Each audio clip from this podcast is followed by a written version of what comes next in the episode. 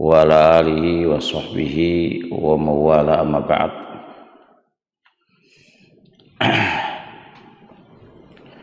Alhamdulillah malam ini kita bisa ketemu kembali untuk belajar. Malam ini temanya insya Allah membahas satu tentang syahwat. Kedua kenapa syahwat itu diciptakan. Ketiga apa sebab jatuhnya seseorang di dalam syahwat. Keempat bagaimana pengobatan orang yang terkena syahwat. Empat poin insya Allah kita akan bahas. Kalau nggak selesai ya dua aja. Pembahasan syahwat ini pembahasan penting. Karena syahwat itu hubungannya dengan maksiat. Semua maksiat itu jatuh dikarenakan syahwat. Karena syahwat. Apa aja? Maksiat apa saja? Itu jatuh atau kita lakukan itu karena syahwat. Itu karena syahwat. Karena poros maksiat itu jatuh dan itu karena syahwat pentingnya kita belajar apa itu syahwat. Syahwat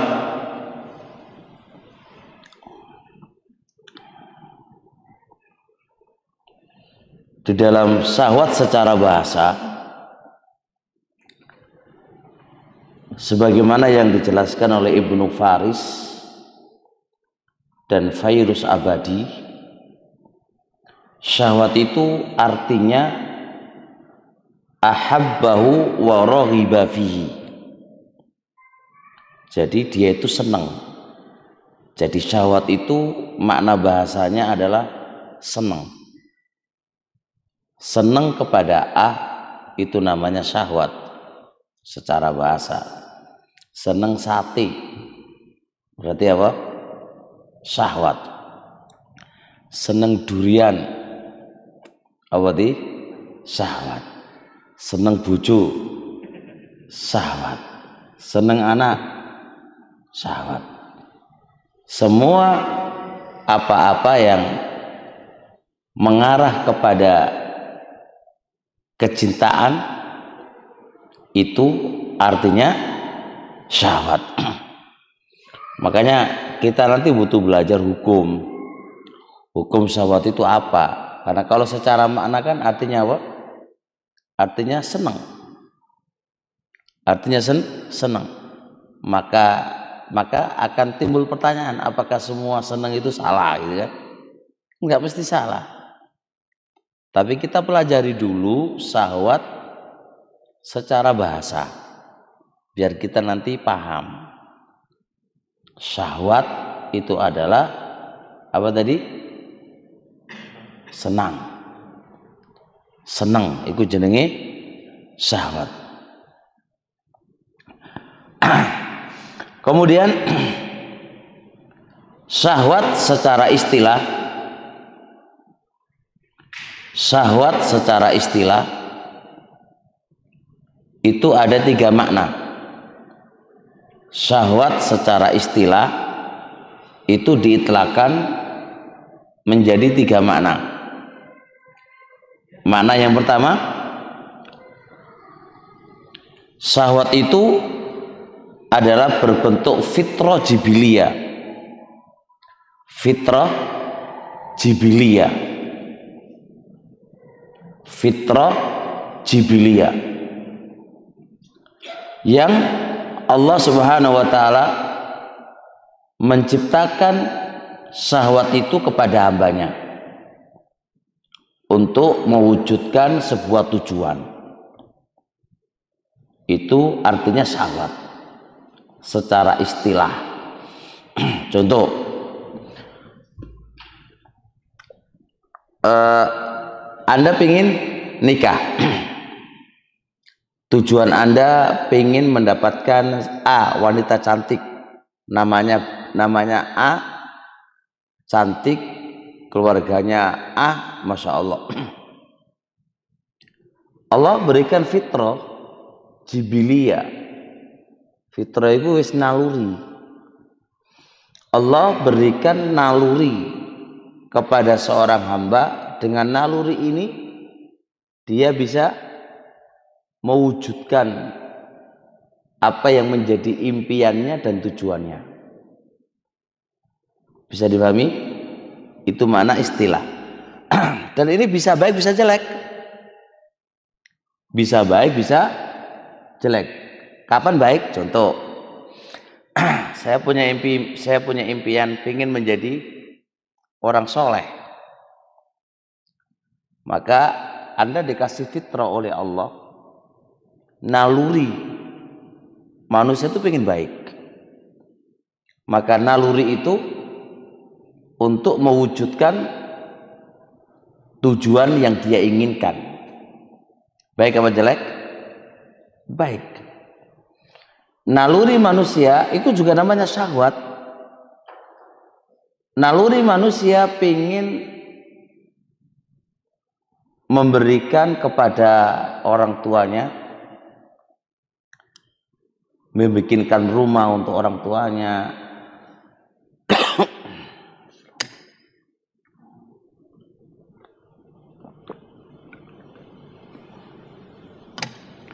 menghajikan orang tuanya, mengumrohkan orang tuanya. Syahwat. Ya kan? Apa mana sama di sini? Naluri manusia yang Allah berikan naluri kepada hamba untuk mewujudkan apa yang menjadi tujuan dan impiannya. Ini namanya syahwat.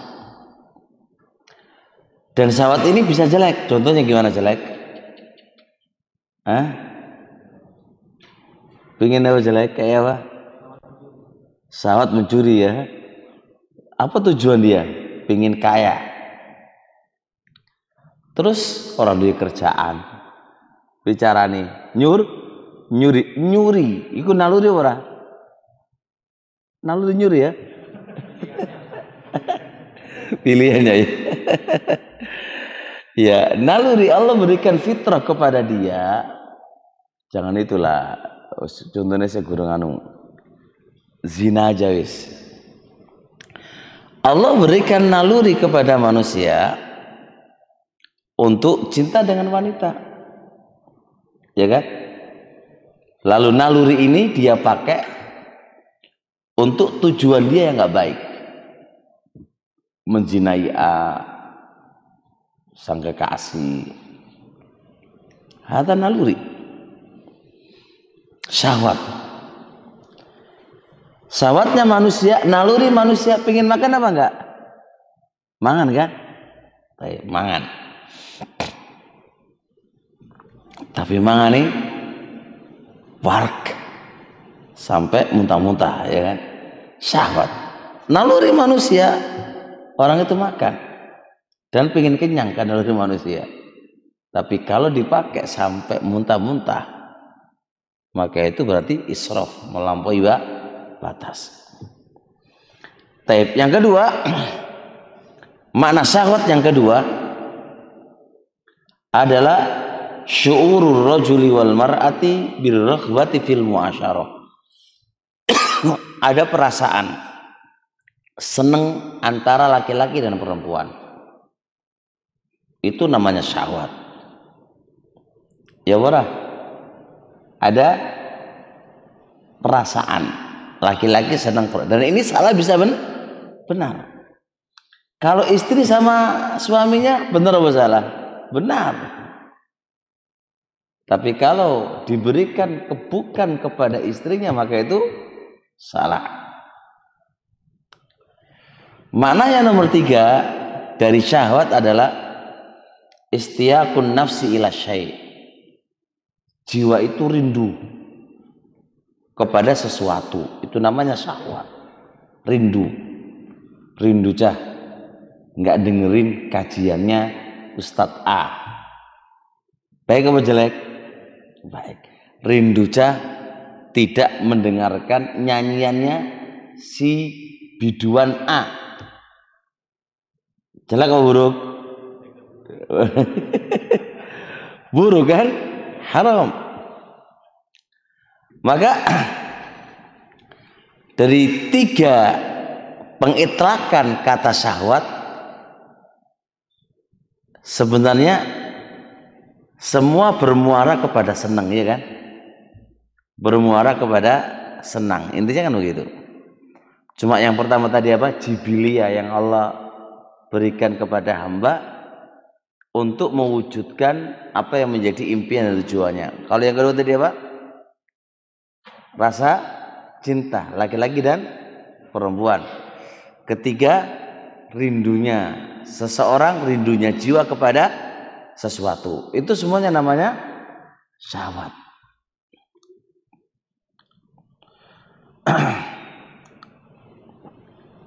Kemudian Pertanyaan selanjutnya, kenapa Allah ciptakan syahwat? Perhatikan ya kan, kenapa Allah ciptakan syahwat?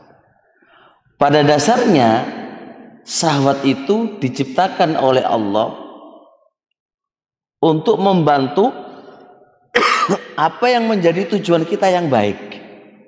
Pada dasarnya. Pada dasarnya syahwat itu diciptakan untuk untuk kita pakai untuk kita pakai di dalam mewujudkan kemaslahatan kita. Kita kalau ingin punya anak, iso toh tanpa syahwat. Kita kalau ingin makan, kalau nggak ada syahwat, iso mangan ora? Nggak bisa, Pak. Jadi syahwat itu pada dasarnya membantu kita untuk mewujudkan kemaslahatan kita pada dasarnya. Maka syahwat itu sebenarnya nikmat. Uang orang duit syahwat itu mumet pak. Iya ora? Uang nggak punya syahwat itu mumet. Berarti orang pingin kawin, orang pingin mangan, orang pingin apa wis uripe pingin mati wae paling. orang kalau nggak punya syahwat itu mumet. Bahkan mungkin dibawa ke dokter nanti itu. Iki piye anakku kok ora pengen kawin iki piye? Kok ora seneng karo wong lanang? Seneng ke? Ora seneng karo wong wedok, seneng karo wong lanang malah ya. Rumung betul urusan nanti. Jadi barakallahu. Kesimpulannya berarti apa? Kata syahwat itu kata yang global. Bisa diartikan apa? Baik dan bisa diartikan apa? jelek. Walaupun pada dasarnya syahwat itu digunakan untuk mewujudkan apa yang menjadi kemaslahatan kita. Begitu penjelasan Syekhul Islam Ibnu Taimiyah rahimahullah dalam kitab Istiqomah. Juz 1 halaman 341. Jadi jadi bisa dipahami ya? Bisa dipahami?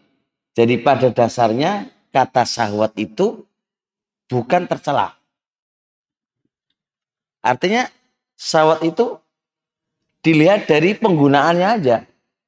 Syahwat bisa digunakan baik dan bisa digunakan jelek. Syahwat bisa digunakan untuk taat dan syahwat bisa digunakan untuk maksiat kan begitu. Pada zatnya syahwat itu begitu.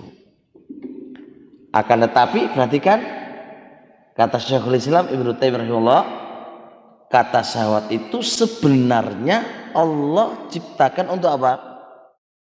Membantu mewujudkan kemaslahatan kita. Cuma syahwat ini tinggal orangnya aja. Mau dipakai apa syahwat ini? Memang tujuan Allah baik untuk itu. Agar tetapi manusia menyalah gunakan pada hal-hal yang tidak baik. Kayak rindu dengan nyanyian, rindu senang dengan wanita yang gak makromnya, senang rindu dengan rokok, rindu dengan khomer. Ini kan digunakan pada hal-hal yang tidak yang tidak baik. Hal-hal yang tidak yang. Padahal pada dasarnya bukan untuk itu. Pada dasarnya bukan untuk untuk itu. Untuk apa? Mewujudkan kemaslahatan kita, membantu untuk kemaslahatan kita. Paham ya? Jelas. Jadi kita paham sekarang apa definisi syahwat. Poin yang kedua, kenapa Allah ciptakan syahwat? Dan ingat, bisa disimpulkan Syahwat itu pada dasarnya justru untuk kemaslahatan kita ya. Tapi manusia terkadang menggunakan dalam kebaikan dan menggunakan dalam kemaksiatan. Cuma kalau disebutkan di Al-Quran dan disebutkan di dalam hadis, kata syahwat itu dipakai untuk jelek. Karena memang manusianya yang yang bikin masalah gitu kan. Makanya makanya sampai Syekh Rizal mengatakan tidaklah terjadi maksiat kecuali karena syahwat. Karena syahwat kenapa orang itu korupsi Syah? syahwat kenapa orang itu mencuri syahwat kenapa orang itu berzina syahwat kenapa orang itu pacaran syahwat kenapa orang itu nggak sholat syahwat iya ora eh, semua larinya kepada syahwat. Kenapa kok begitu? Karena manusia nggak bisa ngontrol. Padahal asalnya itu baik. Asalnya itu bah, baik. Asalnya dibikin untuk membantu kita dalam mewujudkan kemaslahatan. Sekarang gampangnya begini. Ini kan ini kan penyalahgunaan Pak ya. Sekarang saya nanya antum. Pada dasarnya HP, ini saya cuma khusnudun aja lah. Pada dasarnya HP itu digunakan untuk apa? Kemaslahatan kita. Pada dasarnya kita khusnudun aja. Cuma orang-orang inilah yang menggunakan HP yang tidak yang tidak benar. Kan gitu loh. Sebagaimana syahwat itu diciptakan oleh Allah dalam untuk apa? Untuk keba kebaikan. Cuma kitanya yang tidak benar. Sehingga diitlahkan kata syahwat di dalam Quran atau di dalam hadis itu pasti jelek. Pasti jel jelek. Jelek gak?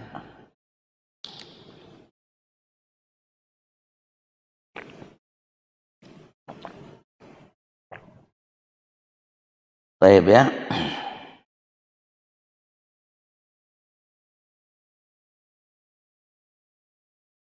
Terusnya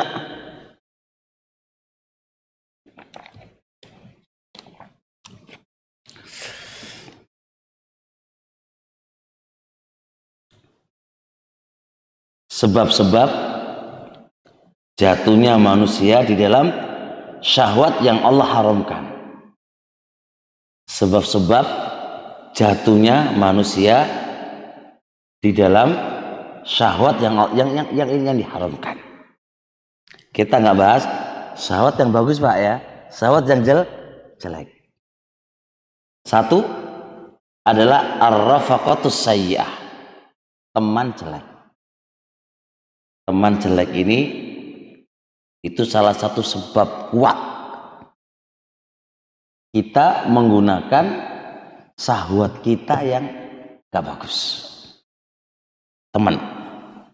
Makanya kata Rasul alaihi salatu wasalam, "Ar-rajulu al-mar'u ala dini khalilihi." Seseorang itu di atas agama temannya. Falyanzur ahadukum man yukhalil.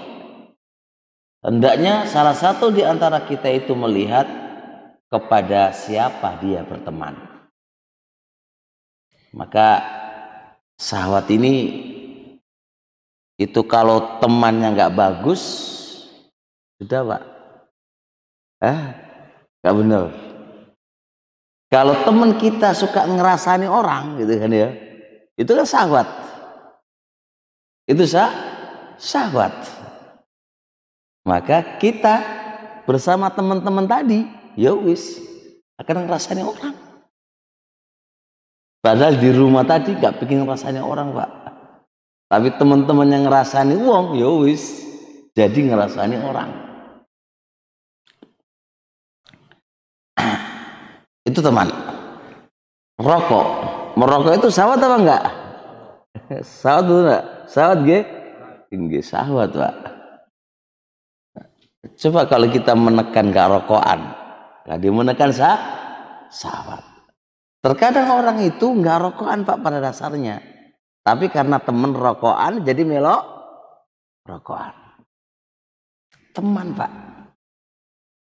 teman, teman itu pengaruh banget. Teman itu teman. Makanya kalau seorang wanita dapat suami, suami ini hewa-hewa, waduh, kacau pak Kok iso?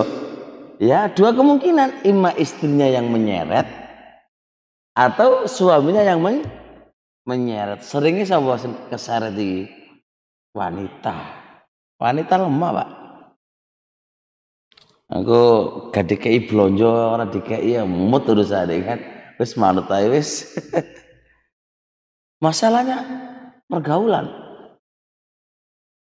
Jadi kesimpulannya rata-rata terjadinya dosa pada diri kita atau keluarga kita itu sebenarnya adalah apa? teman pergaulan. Maka kita sebagai seorang muslim menghandle sawat ini gak gampang pak. Susah banget sawat ini kadang muncul kadang menang kita kadang kalah kadang apa nih susah banget maka dibutuhkan teman yang baik. Di saat kita mau jatuh, teman ingatkan, eh ojo ini salah lagi. Kan gitu. Ketika kita mau mau apa? Ngambil jajan terus gak bayar, ojo gak oleh. Atau kita mau lihat wanita cantik, temannya, eh, tutup bujumu iki, puntir, Gitu, teman itu Masya Allah pengaruh banget. Bahkan kita kadang-kadang istiqomah Pak, kadang-kadang kita istiqomah ya Masya Allah istiqomah wis ngaji rutin kajian kajian rutin itu loh iso delewer Pak. Gara-gara kon konco itu wake ceritanya Pak, wake. Bahkan terkadang dulu orang itu baik ketika di pesantren, ketika pulang salah bergaul Pak salah bergaul, hancur semuanya. Sahwatnya tidak bisa ter terkontrol. Teman. Enam.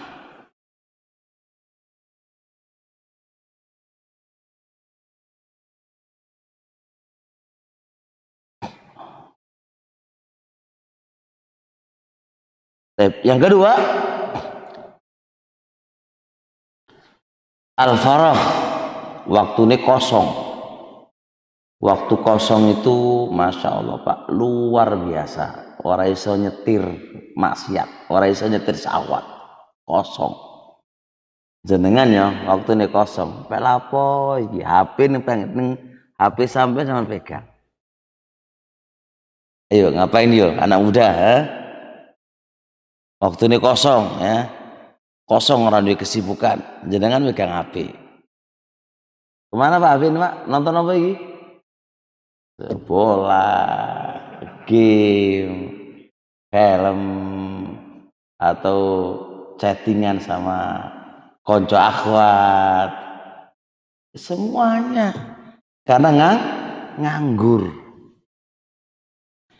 Nganggur kadang lamun ya Allah sendelamun ini aneh-aneh pak jadi masalahnya adalah kenapa orang itu terjerumus kepada perkara haram melalui syahwat dikarenakan waktunya itu kosong. Maka kalau waktu itu kita sibukkan untuk ketaatan, insya Allah meminimalkan jatuhnya dalam kemaksiatan. Tinggal waktu kosong aja. Waktunya kosong, ya kan? Orang ngerasa ngerasa nih itu, itu kosong itu waktunya, pak. Karena di kerjaan. Karena orang di kerjaan, ya itu mau ngerasa nih, wong. Orang di kerjaan.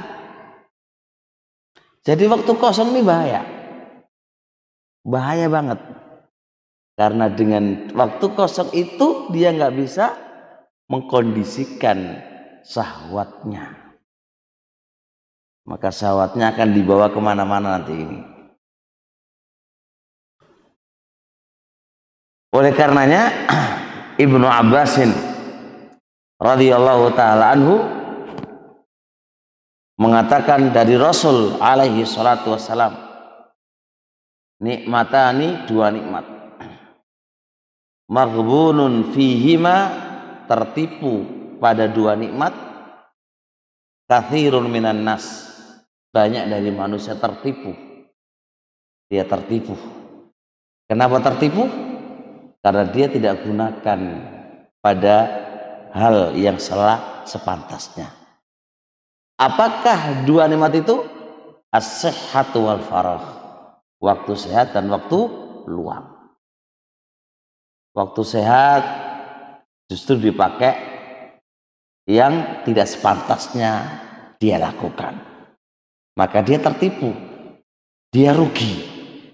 Kenapa dikatakan tertipu dan rugi? Karena dia seharusnya untung. Allah berikan kesehatan itu untung dipakai untuk ketaatan. Tapi ternyata kesehatan itu dipakai berbuat kemungkaran. Kedua, waktu apa kok? Kok waktu luang? Waktu luang itu harusnya kesempatan kita untuk banyak menambah pahala. Justru sebaliknya tidak. Maka dia termasuk orang rugi. Makanya teman-teman semuanya kita ini masih umur berapa? Beda loh umur 20 beda dengan umur 40. Umur 40 beda loh dengan umur 60. Makanya gunakan waktu-waktu Anda itu dengan baik. Biar nggak rugi. Biar nggak rugi. Iman banget. Waktu itu kata para ulama salaf mendingan kehilangan duit daripada kehilangan waktu. Kalau kehilangan uang masih bisa dicari. Tapi kalau kehilangan waktu, gak mungkin waktu itu kembali kepada kita. Ya kan? Hari ini, apakah hari ini akan kembali kepada kita? Gak mungkin, Pak. Gak mungkin. Makanya ayo jangan dibikin waktu kita kosong. Kerusakan itu munculnya dari ini, Pak. Dari waktu kosong. Dengan lihat anak-anak kita aja, Pak. Kalau kosong, aneh-aneh yang dilakukan, Pak. Sibukkan dengan ketaatan kepada Allah, membaca kitab. Ojo kok ngelamun. lamun ae kok keblabasan kok kena jin kok. nah.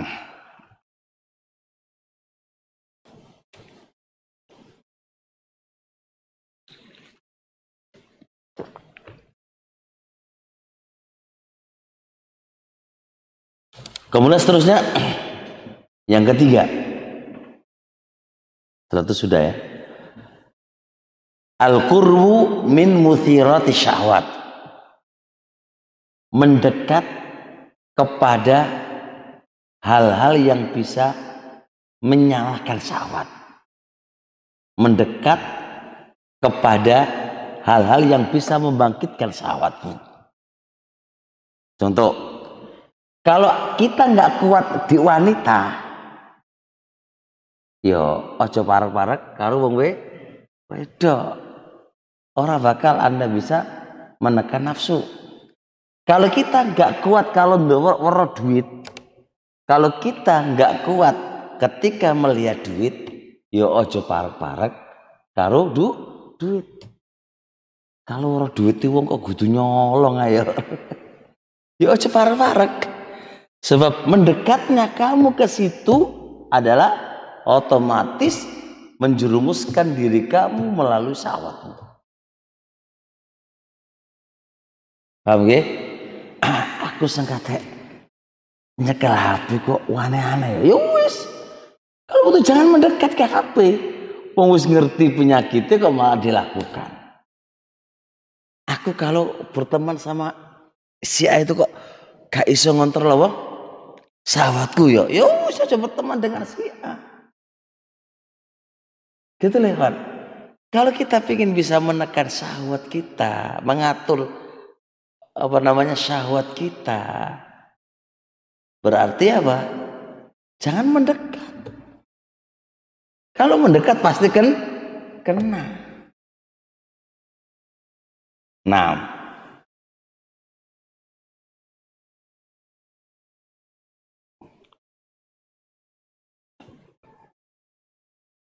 jelas insya Allah jelas cukup tiga insya Allah semoga bermanfaat Insya Allah kita akan lanjutkan di bulan depan insya Allah.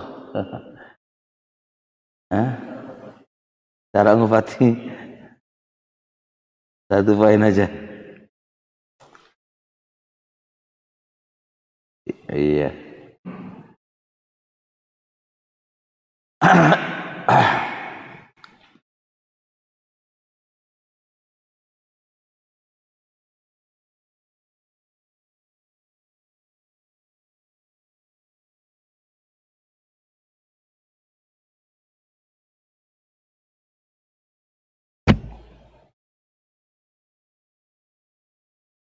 Cara mengobati syahwat banyak banget.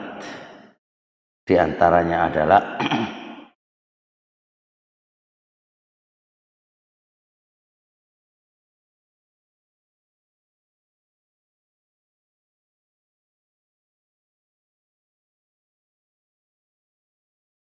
yang terpenting adalah ini.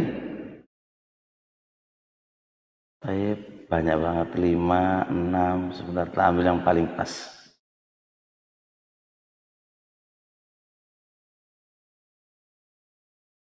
Satu doa. Ini penting ini. Doa pak. Senjata yang ampuh supaya kita bisa terhindar dari syahwat itu adalah doa. Sebenarnya doa ini adalah obat senjata bagi kita semuanya. Cuma terkadang doanya nggak semangat itu loh, doanya nggak tenang. Sebenarnya wa idza sa'alaka ibadi anni fa inni qaribun ujibu da'wata. Allah udah berjanji kok kalau kita itu berdoa akan dikabulkan oleh Allah. Cuma masalahnya yang salah tentu janjinya Allah, kitanya yang kurang semangat, kurang tenang kurang kurang kurang kurang meminta. Coba kita berapa namanya duduk terus benar-benar hati sama lisan ini connect dan kita tampakkan kebutuhan kita kepada Allah. Ya Allah jauhkan aku dari syahwat ini ya Allah. Insya Allah Pak. Nggak ada kata enggak ini kecil bagi Allah Kecil bagi Allah. Tinggal hubungan kita dengan Allah aja diper, diperdekat. Hubungan kita dengan Allah, hubungan yang wathiqah yang kuat. Semoga karena kata kan doa silahul mukmin. Doa adalah senjatanya orang mukmin. Kita terkadang berdoa, udah doa Ustaz. Berapa kali Bu? Berapa kali Pak? Sekali Ustaz. Iya jaluk jaluk nang Allah sekali ujuk-ujuk langsung diterima oleh Allah ya dulu awak mesti lah. Wong kita ini banyak dosa, banyak maksiat. Ya paling enggak dirisi isi lah. Kita banyak-banyak istighfar, banyak-banyak ampunan, mendekat ke Allah. engko lak mari insyaallah yang penting dewe iki apik sik nang Allah dekat dulu ke Allah. Kalau wis deket Allah tuh gampang jaluk apa wae ku dikai oleh Allah. Wis jelas hadis Nabi alaihi salatu wasalam wala yazalul abdu yataqarrabu ilayya binawafil atau uhibba selalu hamba itu mendekatkan kepadaku dengan perkara-perkara sunnah. Hatta uhibba sampai aku menyenangi dia faida ahbabtu kalau aku sudah senang sama dia apa di ujung hadis di, di, di ujung hadis Fa'idha sa'alani fa'u'tiyahu. Kalau dia minta kepadaku tak kasih. Jadi Allah. Jadi akan dikabulkan oleh Allah kalau kita apa? Hah? Dicintai oleh Allah dulu. Nah caranya Allah cinta sama kita, nih coba. Taat sama Allah, taat sama Allah. Ayo taat sama Allah. Gunakan waktu untuk ketaatan, ketaatan, ketaatan. Insya Allah sahwat-sahwat kita lebar hilang kabeh dengan izin Allah Subhanahu wa taala. Sampai di sini insyaallah nggih. Subhanakallahumma hamdik, syada la anta, astaghfiruka wa atubu ilaik. Assalamualaikum warahmatullahi wabarakatuh.